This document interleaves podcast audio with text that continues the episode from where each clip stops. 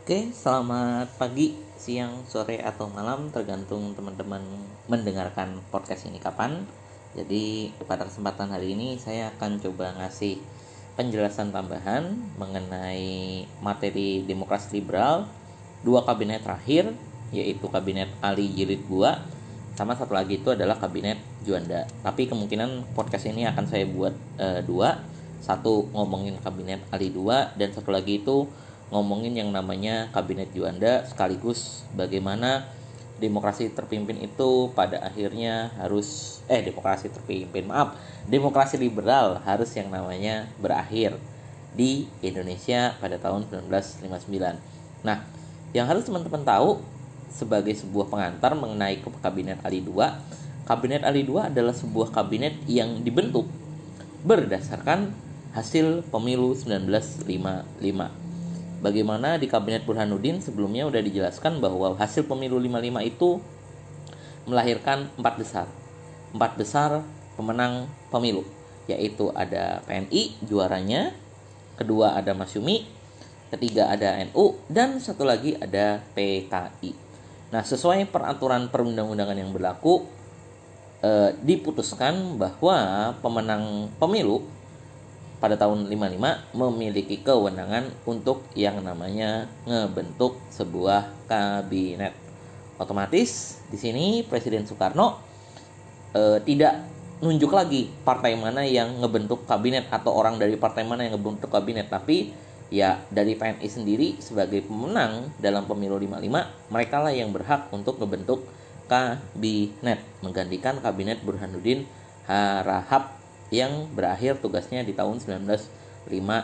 Nah, nantinya Ali Sastroamijoyo sebagai ketua umum dari PNI nantinya juga atas masukan dari Presiden Soekarno karena Soekarno tetap punya kuasa untuk yang namanya menunjuk mungkin orang yang lebih punya kapabilitas dalam ngebentuk kabinet. Ali Sastroamijoyo ini nantinya berupaya untuk ngebentuk sebuah koalisi. Koalisi dari pemenang pemilu 55 khususnya adalah tiga besar dari pemenang pemilu 55. Kenapa Ali itu ngebentuk koalisi dalam yang namanya ngebentuk eh, kenapa nantinya Ali itu bikin koalisi yang berisikan tiga besar pemenang pemilu 55 karena Ali ini berupaya menciptakan sebuah kabinet yang dapat dukungan kuat di DPR supaya kinerja-kinerja yang ada di kabinet bisa lancar sehingga dapat persetujuan mayoritas dari DPR. PNI ini di bawah pimpinan dia eh, ngajak Masyumi dan NU untuk berkoalisi.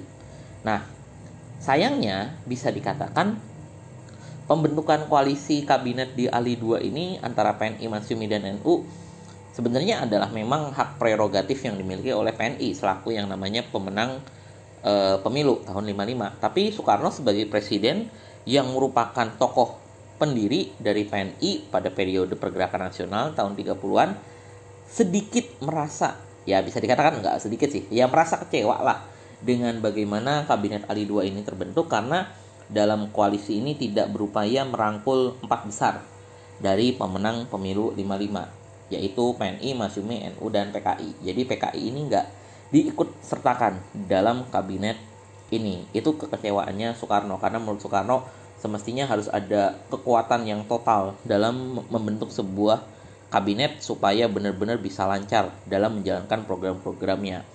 Dan ini kan juga nggak lepas dari ide-ide Nasakom yang udah dimiliki oleh Presiden Soekarno sejak masa pergerakan nasional bahwa Soekarno dengan jiwa revolusinya berupaya mendorong Indonesia ini di tahun 56 apa ya kembali lagi ke jalan revolusi di mana harus ada sebuah persatuan di antara berbagai macam ideologi dan yang memang ia ingin coba capai adalah bagaimana menggabungkan ideologi nasionalis agama dan komunis untuk bersatu ngebangun negara Indonesia. Makanya Soekarno berharap banget PKI diajak. Cuman ya PKI nggak bisa diajak karena Masyumi ataupun NU mengancam mereka bakal mundur dari eh, koalisi ini jikalau PKI diikut sertakan dalam kabinet ini.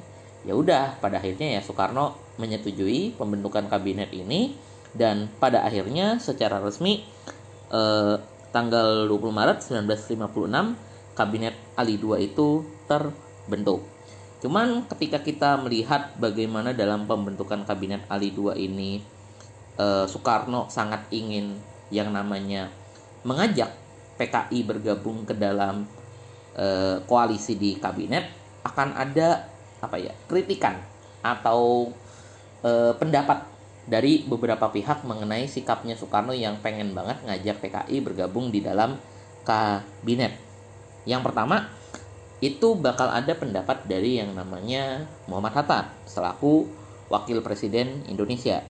Muhammad Hatta sendiri menyampaikan pendapatnya mengenai keinginan Soekarno untuk menggabungkan PKI ke dalam koalisi kabinet Ali II dengan pandangan bahwa Soekarno ini apa ya terlalu banyak ikut campur dalam urusan pemerintahan di Indonesia sampai menginginkan ada partai politik harus diajak bergabung dalam suatu koalisi pemerintahan. Padahal posisinya di situ Presiden Soekarno hanyalah yang namanya kepala negara. Dia punya tugas ya menunjuk formatur kabinet aja. Masalah terkait yang namanya uh, orang yang dia tunjuk sebagai formatur kabinet ngajak koalisi siapa ya itu adalah hak prerogatif dari si pemegang mandat, pemegang mandat formatur kabinet Nah, ya Hatta kurang suka dengan sikapnya Soekarno yang makin banyak ikut campur, yang dia anggap menunjukkan bagaimana perilaku Soekarno yang dalam tanda kutip ya sedikit eh, otoriter, bagaimana ia mau yang namanya segala pendapatnya dia itu diiakan. Belum lagi menurut Hatta sikapnya Soekarno yang ingin menggabungkan eh, tiga partai dari tiga ideologi berbeda yaitu nasionalis agama dan komunis dalam sebuah kabinet bernama Kabinet Ali II ini menurut dia adalah sebuah persatuan yang dipaksakan. Hatta menggunakan istilahnya ini adalah persatean di mana ya ibaratnya kan sate itu terdiri dari komponen daging-daging yang normalnya sebuah sate ya satu jenis daging. Ya daging ayam ya daging ayam sate ayam ya daging ayam semua dan itu kan fungsinya adalah supaya kita bisa menikmati sate sate tersebut sebaik seenak mungkin. Sedangkan Soekarno ya dia pengen bikin sebuah sate yang isi daging isi satenya itu daging beda-beda. Daging kebo daging ayam daging babi dan lain sebagainya. Ini membuat nantinya ketika sate tersebut dinikmati kan pasti rasanya tidak enak karena campur-campur. Nah itu yang di apa ya itu adalah sebuah pendapat yang disuarakan oleh Hatta di mana ya persatuan yang di kedepankan oleh Soekarno ini kesannya seperti sebuah persatean yang tidak ideal. Karena menurut dia pada dasarnya yang terpenting ini bukanlah ngebentuk sebuah kabinet yang merangkul semua ideologi tapi menurut Hatta yang terpenting adalah ada sebuah kabinet yang tidak mementingkan kepentingan kelompoknya Hatta berpandangan bahwa seharusnya sebuah pemerintahan ketika dipimpin oleh partai politik apa pun ideologinya dia harus bisa mengedepankan kepentingan rakyat bukan kepentingan kelompoknya atau partainya sendiri atau kepentingan ideologinya bahwa kepentingan masyarakat itu yang nomor satu menurut Hatta. Nah kekecewaan Hatta ini kan nantinya sebenarnya dibarengi dengan bagaimana sebelum tahun 55 Hatta sudah menyatakan bahwa ketika pemilu 55 sudah dilaksanakan, pemerintahan yang sah hasil pemilu sudah tercipta, Hatta akan yang namanya e, menyampaikan pengunduran dirinya sebagai wakil presiden. Karena menurut Hatta, ketika negara sudah punya kabinet parlementer dan pemerintahan parlementer yang sah lewat pemilu, sosok kepala negara itu hanyalah simbol doang dan yang punya kedudukan sebagai kepala negara di sistem parlementer di Indonesia pada masa demokrasi liberal ya hanya Soekarno saja sebagai presiden. Wakil presiden itu nggak akan punya kedudukan apa-apa dalam pemerintahan ataupun dalam kehidupan bernegara. Makanya dari itu nantinya eh, Hatta eh, akan yang namanya mengajukan pengunduran diri sebagai wakil presiden karena Hatta merasa bahwa jikalau kabinet sudah terbentuk berdasarkan hasil e, pemilu maka ya gue sebagai wakil presiden udah nggak punya tugas apa-apa. Dan itu nanti akan terjadi di akhir tahun 56 di mana eh, Hatta secara resmi itu bulan Desember 56 Hatta secara resmi mundur dari jabatannya sebagai wakil presiden Republik Indonesia. Dan sejak saat itu juga ya Indonesia hanya memiliki seorang presiden yaitu Soekarno. Itu dari sisi Hatta yang menyampaikan pendapatnya mengenai sikapnya Soekarno di tahun 56. Nah, pandangan lain itu juga muncul dari kelompok TNI. TNI ini kembali bersuara. Kenapa nantinya TNI kembali bersuara? Karena TNI ini sebenarnya hubungan dengan pemerintah itu sudah baik pada masa Burhanuddin Harahap. Bagaimana kabinet Burhanuddin Harahap yang dibentuk oleh Hatta itu berhasil yang namanya apa ya menjalin kerjasama yang baik dalam penentuan kebijakan-kebijakan TNI serta penentuan batas-batas campur tangan politik di dalam militer. Dan bahkan kabinet Burhanuddin sudah yang namanya memberikan bukti nyata komitmennya bahwa kami adalah sebuah kabinet yang bekerja untuk kepentingan rakyat bukan bekerja untuk kepentingan elit politik tertentu itu udah ngebuat TNI seneng banget ya mulai dari bagaimana dalam penunjukan KSAD yang baru di kabinet Burhanuddin Harahap ini kabinet menyerahkan semuanya kepada TNI ini silahkan TNI kalian pilih tiga calon buat jadi kepala staf angkatan darat nanti dari tiga calon tersebut pilih yang menurut kalian paling layak berdasarkan senioritas pengalaman pendidikan dan lain-lain nanti tinggal dikirim ke kami namanya ke pemerintah dan ke DPR supaya mendapatkan persetujuan termasuk dari Presiden Soekarno. Kan pada akhirnya di masa kabinet Burhanuddin Harahap ini e, Nasution itu bakal kembali menjadi kepala staf angkatan darat. Nah, Nasuti eh Nasution, TNI, TNI ya secara umum sebenarnya TNI secara umum ini mau nggak mau ya menerima hasil dari pemilu 55 di mana TNI sebagai pemenang dan terbentuklah sebuah kabinet Ali 2 karena kan pada dasarnya dalam peristiwa 17 Oktober 52 pada masa kabinet Wilopo TNI itu kan menuntut yang namanya sebuah pemerintahan yang sah yang didasarkan dari hasil pemilu. DPR yang sah didasarkan dari hasil pemilu. Dan ini di tahun 56 ya hasil pemilu menunjukkan seperti ini. Bagaimana PNI berkuasa karena dia mendapatkan suara tertinggi dalam hasil pemilu 55 dan PNI juga lah yang menjadi mayoritas di DPR cuman ya di dalam tubuh TNI, di dalam tubuh perwira tingginya, meskipun mereka menerima, tapi ada sedikit suara kekecewaan.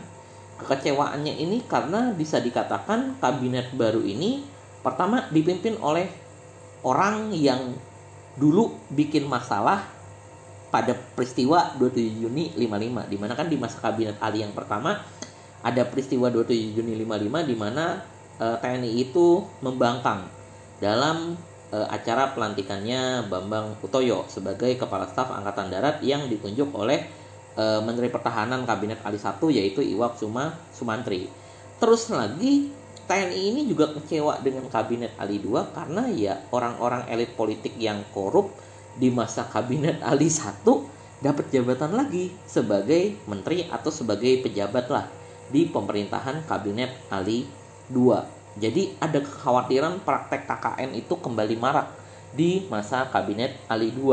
Dan yang memang paling parah lagi di sini adalah eh, pada masa awal-awal terbentuknya kabinet Ali II, kabinet Ali II ini nantinya eh, akan menarik rancangan undang-undang anti korupsi yang sudah dibuat pada masa kabinet Burhanuddin Harahap jadi Kabinet Burhanuddin Harahap bikin rancangan undang-undang anti korupsi tapi rancangan tersebut tidak dilanjutkan pembahasannya di DPR. Itu yang ngebuat TNI ini tanda tanya loh kenapa RUU anti korupsi ini nggak dilanjutkan? Ini kan hal yang bagus buat yang namanya kepentingan rakyat supaya tidak ada elit-elit politik yang korupsi. Tapi kok malah yang namanya dihapuskan seperti itu.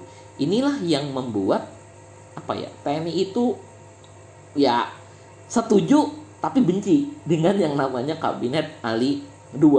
Tambahan satu lagi, ya kabinet Ali II ini karena didominasi oleh PNI dan juga ada NU di dalamnya, maka tercipta sebuah yang namanya pemerintahan yang sangat diisi oleh orang-orang Jawa.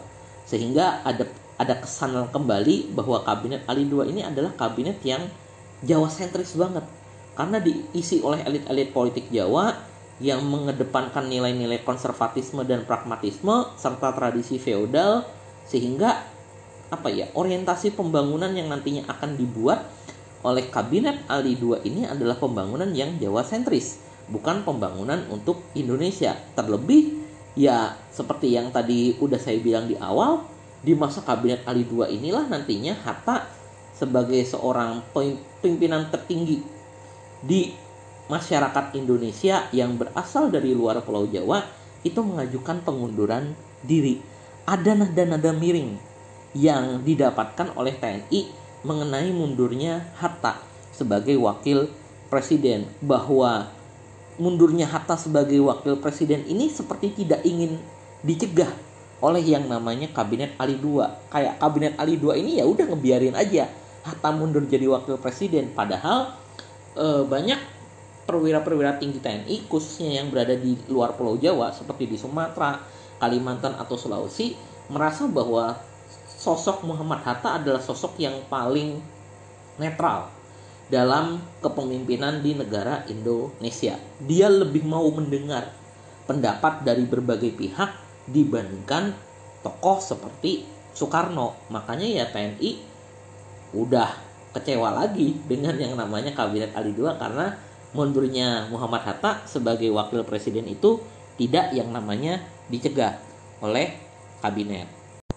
Nah, itu penjelasan mengenai bagaimana dinamika awal dalam terbentuknya kabinet uh, Ali II di mana ya dari awal pembentukannya aja udah banyak uh, kritikan, pendapat dan lain sebagainya sehingga apa ya kita bisa melihat ada sedikit keraguan terhadap keberadaan kabinet Ali II apakah kabinet ini mampu yang namanya bertahan selama lima tahun karena kan ya berdasarkan hasil pemilu pemerintah yang terbentuk berdasarkan hasil pemilu tahun 55 itu nantinya akan berkuasa selama lima tahun satu periode seperti itu. Nah dalam upayanya kabinet Ali II menjalankan pemerintahan di Indonesia, mereka sudah membuat sebuah program yang bisa dikatakan sebuah program jangka panjang karena dia memberikan eh karena dia membentuk yang namanya program jangka panjang dengan nama rencana pembangunan lima tahun.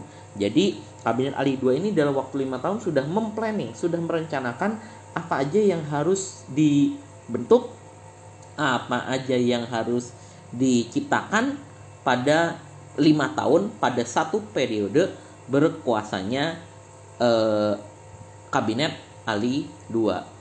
Ketika kita bicara yang namanya ekonomi, pada masa kabinet Ali II, kabinet ini berupaya untuk yang namanya memberikan e, perbaikan, eh perbaikan dalam hal yang namanya keuangan negara. Jadi bisa dikatakan kabinet Ali II ini mencoba memperbaiki keuangan negara agar sehat-sehat. Di sini maksudnya adalah berupaya menyeimbangkan antara pemasukan dan pengeluaran kas negara dan upaya penyeimbangan pemasukan dan pengeluaran kas negara itu nantinya akan dilakukan oleh kabinet Ali II dengan cara ngebentuk yang namanya Biro Perancang Negara. Nah, Biro Perancang Negara ini bisa dikatakan berupaya untuk yang namanya menyeimbangkan kas negara dengan yang namanya meningkatkan ekspor dari komoditas alam yang ada di Indonesia sekaligus yang namanya meminimalisir pengeluaran yang terjadi pada masa kabinet Ali.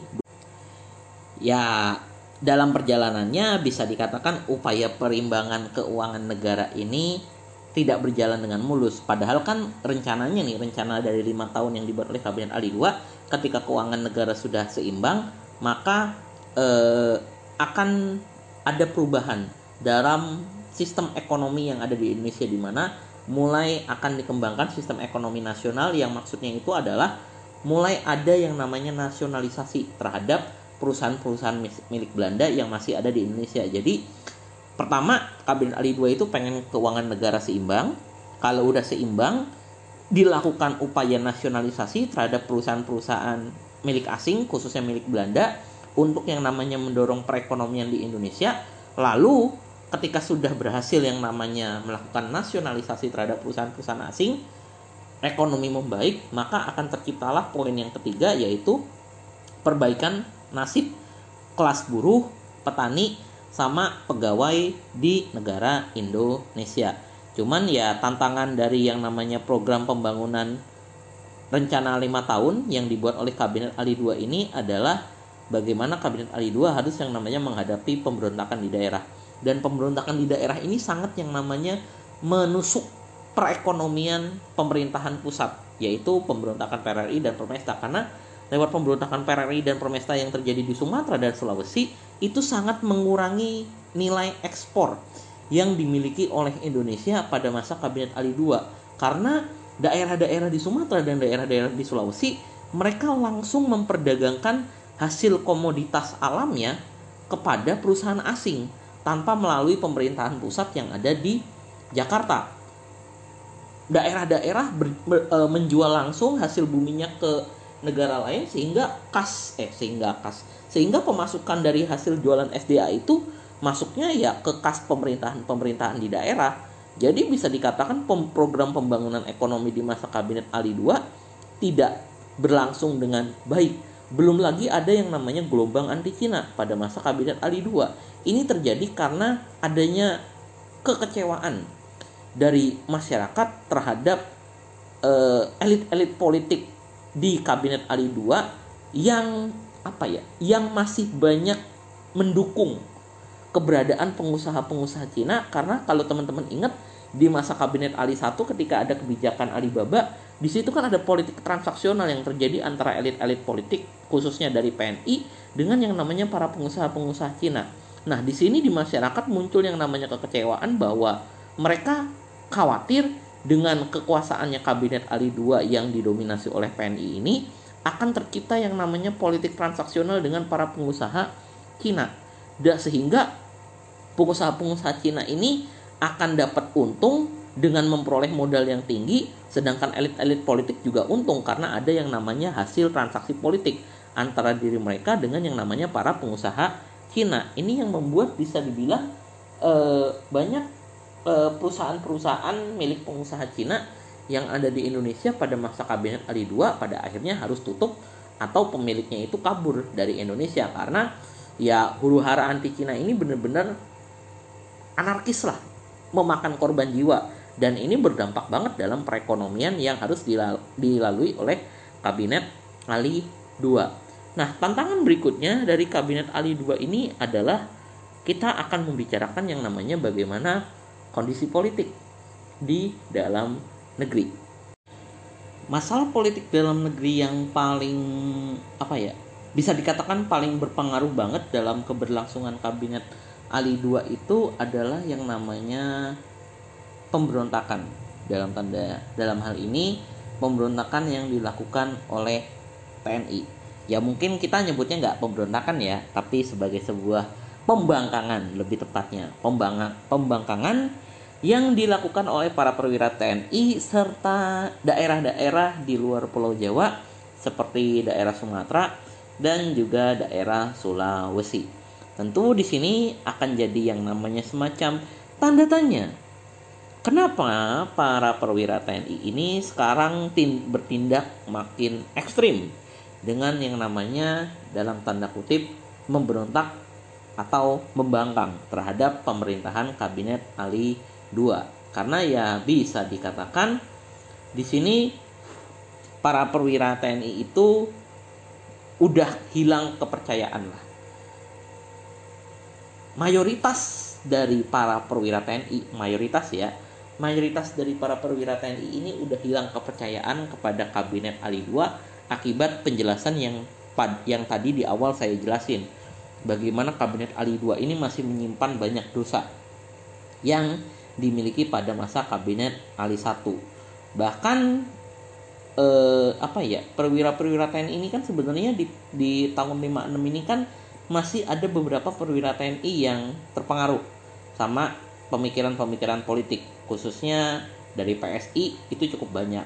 Mereka melihat bahwa kabinet Ali II ini bisa dikatakan sebuah kabinet yang tidak menjalankan nilai-nilai demokrasi liberal malah menjalankan yang namanya nilai-nilai feodalisme Jawa dan nilai-nilai feodalisme Jawa ini kan sangat mengancam yang namanya sistem demokrasi liberal karena dengan nilai feodalisme Jawa yang terjadi dalam kegiatan pemerintahan maka praktek KKN itu bakal yang namanya marak terjadi dan mungkin satu hal yang akan ngebuat lagi banyak perwira TNI yang udah kecewa kepalang kecewa sama kabinet Ali II adalah ya bagaimana Presiden Soekarno sempat punya ide untuk yang namanya mengajak PKI terlibat di dalam kabinet. Meskipun kan pada akhirnya PKI ini nggak dimasukkan ke dalam kabinet Ali II, tapi salah satu organisasi bawahannya yaitu Barisan Tani Indonesia,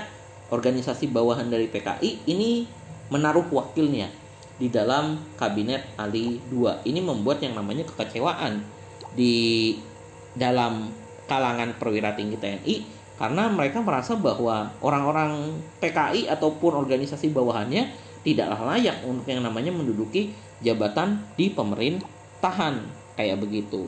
Karena mereka menganggap ya mungkin kalau misalkan dapat jabatan di pemerintahan para perwira TNI merasa ya dari pihak TNI lah yang punya eh, apa kewenangan untuk dapat jabatan di pemerintahan karena mereka sudah berjuang dalam uh, perang menghadapi Belanda pada periode 45 sampai 49. Lah ini PKI yang ngebrontak tahun 48 kok dapat kekuasaan di pemerintahan. Dan sebenarnya uh, pembangkangan dan pemberontakan yang dilakukan oleh para perwira TNI yang ada di berbagai daerah baik itu di Jawa, Sumatera ataupun Sulawesi sebenarnya udah coba untuk yang namanya ditenangkan oleh yang namanya Nasu Nasution. Kenapa berupaya ditenangkan oleh Nasution? Karena Nasution ini kan adalah orang yang pikirannya modern barat dan dia merasa bahwa ya demokrasi liberal yang kita jalankan hari ini, pemerintahan kabinet Ali II yang berdiri hari ini adalah pemerintahan yang sah yang berdasarkan hasil pemilu. Itu selalu penekanannya Nasution. Wahai teman-teman perwira TNI, ketika Nasution bilang kepada para perwira tinggi TNI dalam uh, hari ulang tahun TNI bulan Oktober Nasution menekankan bahwa kabinet Ali II ini adalah kabinet hasil pemilu. Kita nggak boleh yang namanya ngelawan mereka. Karena kabinet mereka ini adalah kabinet pilihan rakyat. Bukan pilihan Belanda. Kalau kita ngelawan mereka sama aja kita ngelawan kepercayaan rakyat. Dan ketika misalkan kita ngelakuin yang namanya ambil contoh Nasution bilang bahwa ngelakuin kudeta terhadap kabinet Ali II, kita malah justru yang dalam tanda kutip tidak disukai oleh rakyat atau bahkan dimusuhi. Karena kita dianggap sebagai orang yang haus akan kekuasaan. Itu selalu penekanannya penekanannya Nasution bahwa kabinet Ali II ini adalah kabinet yang sah. Hasil pemilu kita nggak punya yang namanya hak untuk yang namanya protes sampai bahkan yang namanya uh, mengkudeta pemerintahan kabinet Ali II Nah, meskipun Nasution udah bersabda waktu hari ulang tahun TNI bulan Oktober tahun 56, cuman ya pada dasarnya perwira-perwira TNI di daerah tetap rasa kecewanya itu gak bisa dikurangi terhadap pemerintahan kabinet Ali II. Terlebih nih, terlebih yang harus jadi catatan banget adalah pemerintah kabinet Ali II ini gak ada inisiatif untuk yang namanya mendorong desentralisasi ataupun upaya pembentukan daerah otonomi secepat mungkin.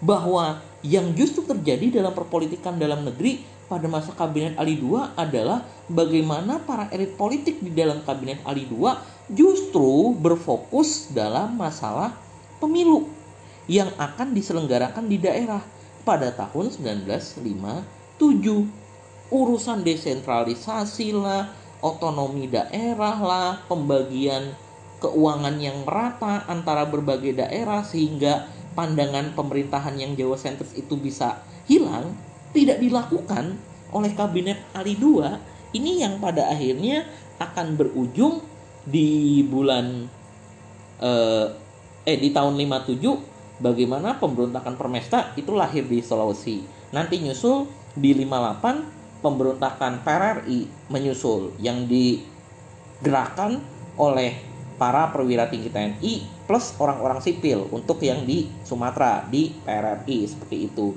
Dan bagaimana sikapnya kabinet Ali II dalam mengatasi masalah politik dalam negeri? Mobil khusus adalah pembangkangan garis miring pemberontakan yang dilakukan oleh para perwira tinggi TNI ini eh, dikritik oleh yang namanya Presiden Soekarno. Presiden Soekarno tanggal 21 Februari 1957 bisa dikatakan menyampaikan yang namanya kekecewaannya. Kekecewaannya terhadap sistem demokrasi liberal dengan yang namanya menyampaikan sebuah ide baru. Ide baru ide baru dari Presiden Soekarno di bulan Februari 57 ini sebenarnya adalah lanjutan lanjutan dari pidatonya Soekarno pada bulan Maret tahun 56 pada saat pelantikan dan eh pelantikan pada saat pembukaan eh, DPR resmi hasil pemilu 55 bulan Maret 1956.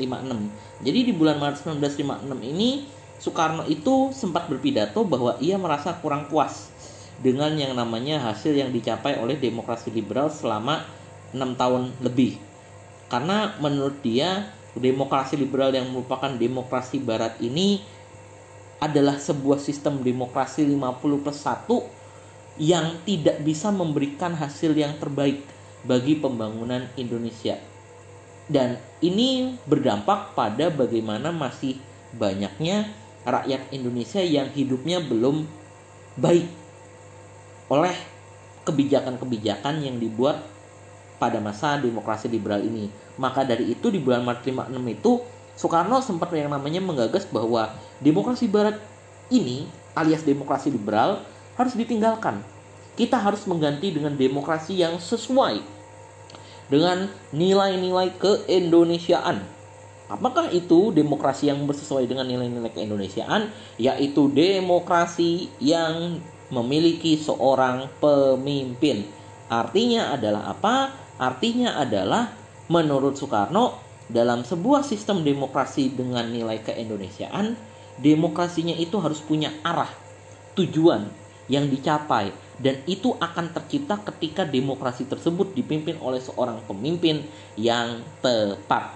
Makanya di sini ide demokrasi terpimpin udah muncul di bulan Maret 1956 dan e, idenya Soekarno di bulan Maret 56 yang nantinya akan berlanjut di Februari 5 Februari 57 ya ini sebenarnya adalah sebuah pendapat yang hampir sama disuarakan oleh banyak tokoh baik itu dari tokoh TNI ataupun Hatta mengenai ya partai politik di Indonesia pada masa demokrasi liberal yang mereka hanya mementingkan kelompoknya tidak mementingkan kepentingan nasional.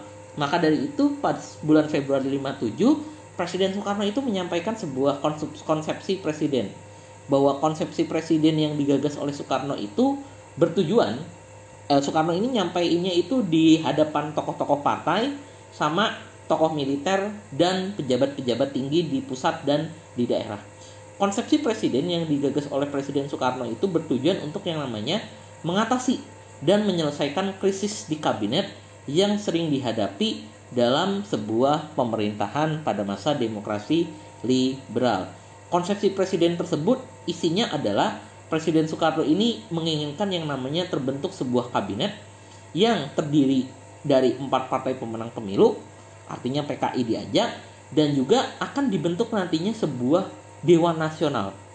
Dewan Nasional itu apa sih? Dewan Nasional itu adalah sebuah lembaga yang isinya merupakan eh yang isi yang anggotanya itu berasal dari golongan fungsional di dalam masyarakat baik itu pegawai pemerintah, TNI, polisi dan lain sebagainya. Pokoknya golongan yang memiliki fungsi dalam kehidupan masyarakat. Dokter juga termasuk dan Dewan Nasional ini punya fungsi untuk yang namanya menyampaikan masukan terkait yang namanya eh, program-program yang tepat sasaran untuk yang namanya masyarakat. Nah, konsepsi presiden mengenai pembentukan kabinet empat kaki dan keberadaan Dewan Nasional ini ini ngebuat apa ya? Situasi yang dihadapi oleh kabinet Ali makin berat karena Soekarno secara nggak langsung menyampaikan bahwa gue kecewa sama lu kabinet Ali gue kecewa lu nggak bisa ngatasin permasalahan di daerah maka dari itu gue menyampaikan kekecewaan gue dengan yang namanya menawarkan sebuah solusi bagi demokrasi yang tepat untuk Indonesia yaitu eh, demokrasi terpimpin menurut Soekarno. Meski begitu ya konsepsi presiden ini dalam perjalanannya ya awalnya eh, hanya menuai perdebatan. Karena banyak yang nggak setuju ada yang setuju terkait yang namanya ide-ide dari Presiden Soekarno tentang kabinet empat kaki ataupun dibentuknya sebuah dewan nasional seperti itu. Dan bisa dikatakan setelah bulan Februari tahun 57 kondisi kabinet Ali 1 dalam menghadapi permasalahan politik dalam negeri itu eh, makin berat karena di bulan Maret 57 yang di mana bulan Permesta lahir situasi daerah makin panas. Salah satu anggota koalisi dari kabinet Ali II yaitu NU sempat yang namanya ngasih ide kepada kabinet Ali II untuk yang namanya mengajak eh, Muhammad Hatta kembali menjadi yang namanya wakil presiden karena menurut NU Hatta ini sebagai sosok yang mewakili eh, masyarakat di luar Pulau Jawa, mewakili masyarakat Sumatera, Kalimantan, ataupun Sulawesi dan mewakili tokoh-tokoh eh dan mewakili orang yang disukai oleh kalangan TNI dianggap akan bisa yang namanya mengatasi berbagai pemberontakan garis miring pembangkangan yang terjadi di berbagai macam daerah. Cuman ya sayangnya situasi politik dalam negeri yang tidak stabil pada akhirnya idenya NU ini tidak disetujui oleh yang namanya kabinet Ali II, anggota-anggota lain dari kabinet Ali II karena ini dianggap sama aja menunjukkan bahwa pemerintah sah yaitu pemerintah kabinet Ali II kedudukannya lebih rendah dibandingkan para pemberontak atau pembangkang dari kalangan perwira tinggi TNI. Itu terkait yang namanya bagaimana kondisi perpolitikan di dalam negeri dan sebenarnya capaian di masa kabinet Ali II dalam yang namanya politik luar negeri pada dasarnya justru lebih baik dibandingkan politik dalam negerinya di mana pada masa kabinet eh, Ali II ini nantinya upaya pembatalan KMB itu bakal yang namanya dicapai dan ini nantinya akan berimbas berimbas ke banyak hal. Jadi ide untuk yang namanya membatalkan uh, konven, uh, hasil konvensi meja bundar ini sampai sebenarnya ke telinga pemerintah Belanda dan pada dasarnya pemerintah Belanda menolak sikapnya Indonesia yang berupaya membatalkan hasil konvensi meja bundar. Cuman ya pembatalan ini nantinya baru akan terjadi di kabinet Juanda. Cuman tindakan kabinet Ali II yang berupaya untuk membatalkan hasil KMB memicu yang namanya respon dari Belanda. Dan respon dari Belanda ini sebenarnya dimanfaatkan oleh kabinet Ali II untuk yang namanya menuntut kepada Belanda untuk yang namanya menyelesaikan masalah Irian Barat. Karena Belanda seakan-akan tutup kuping terkait masalah Irian Barat pasca hasil perjanjian konvensi meja bundar. Dan mungkin capaian terbaik dalam politik luar negeri di Kabinet Ali II adalah Kabinet Ali II ini berupaya untuk yang namanya melaksanakan hasil dari konferensi Asia Afrika yang eh, sudah dilaksanakan tahun 55 pada masa Kabinet Ali II sekaligus menekankan peran Indonesia dalam perdamaian di dunia bahwa negara-negara Asia, Afrika haruslah bersatu dalam mengatasi situasi politik luar negeri yang tidak kondusif yang sedang mengalami situasi perang dingin. Pada akhirnya teman-teman kabinet Ali II nggak bisa bertahan lama karena memang banyak hal-hal yang mendorong kabinet ini untuk menyerahkan mandatnya. Khususnya adalah bagaimana kondisi perpolitikan dalam negeri yang di periode tahun 57 itu makin lama malah makin memburuk.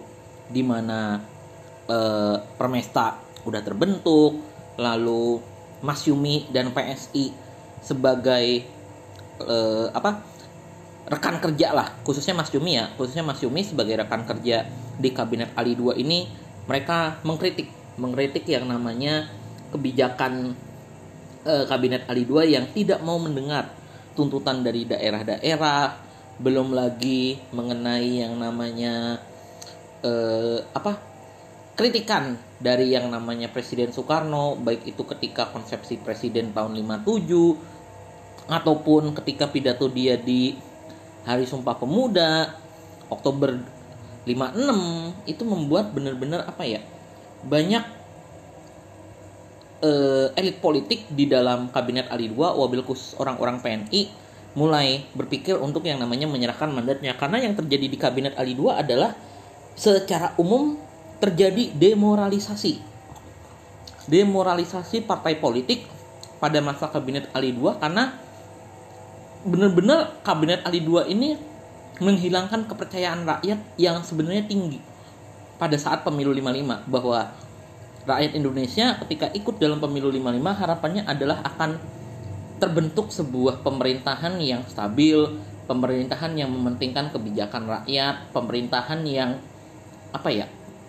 Ya, prioritas utamanya adalah pembangunan untuk rakyat. Cuman nyatanya ya di kabinet Ali II yang terjadi adalah hal yang sama seperti yang terjadi di masa demokrasi eh di masa kabinet-kabinet sebelumnya yaitu konflik politik, tidak adanya kesamaan suara, adanya kepentingan kepentingan-kepentingan yang lebih didahulukan kepentingan golongan dibandingkan kepentingan nasional ini yang membuat uh, pada akhirnya kabinet Ali II itu akan yang namanya menyerahkan mandatnya kepada Presiden Soekarno tanggal 14 Maret 1957 dan penyerahan mandat dari kabinet Ali II kepada Presiden Soekarno ini sebenarnya menjadi sebuah penanda bagaimana demokrasi liberal sejak saat kabinet Ali II itu mundur bisa dikatakan demokrasi liberal itu sudah tidak diterapkan lagi nilai-nilainya di Indonesia. Kulitnya masih demokrasi liberal karena nanti masih ada satu kabinet lagi yaitu kabinet Juanda di mana mereka adalah kab, eh, zaken kabinet. Tetapi dalam hal dalemannya pelaksanaan sistem demokrasi liberal di kabinet terakhir kabinet Juanda itu tidak sesuai dengan aturan banyak pelanggaran konstitusi terlebih yang harus teman-teman ingat nantinya satu hari setelah kabinet Ali menyerahkan mandat Presiden Soekarno atas masukan dari Nasution selaku kepala staf angkatan darat akan yang namanya mengeluarkan status keadaan darurat perang di Indonesia. Nah, status keadaan darurat perang ini atau yang disingkat dengan nama SOB ini yang akan merubah tatanan perpolitikan dalam negeri di Indonesia yang akan kita bahas lebih lanjut di Kabinet Juwanda. Itu aja mungkin terkait podcast mengenai Kabinet Ali 2. Terima kasih kepada teman-teman yang udah mendengarkan. Selamat pagi, siang, dan malam bagi teman-teman yang mendengarkan podcast ini. Sampai jumpa di podcast berikutnya.